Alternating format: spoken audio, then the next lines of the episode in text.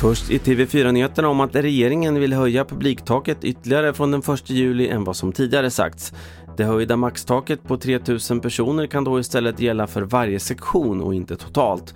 Mats Enqvist är generalsekreterare för Svensk Elitfotboll. Ja, det är lite tidigt att säga exakt vilka tal det är. Det är klart att det skiljer sig från de mindre arenorna som kanske förändringen inte blir så stor. Men de allra största arenorna, om man tänker sig Ullevi och Tele2, Eleda och, och Friends Arena etc. Där, där tror jag att man kommer upp betydligt högre med just säkra sektioneringar. Arbetsförmedlingens hemsida drabbades av omfattande störningar mellan 10 och halv ett idag. Idag är sista dagen för arbetssökande att skicka in sina aktivitetsrapporter, vilket gjorde tajmingen extra dålig. Det är ännu oklart vad störningen berodde på. Och sist om ett bråk på en hamburgerbar i Pakistan under helgen. För när en grupp poliser stegade in på burgarhaket i östra Lahore så krävde de att bli bjudna på kalaset.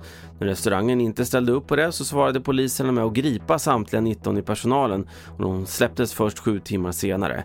Poliserna har nu stängts av. TV4-nyheterna, Carl-Oskar Alsen.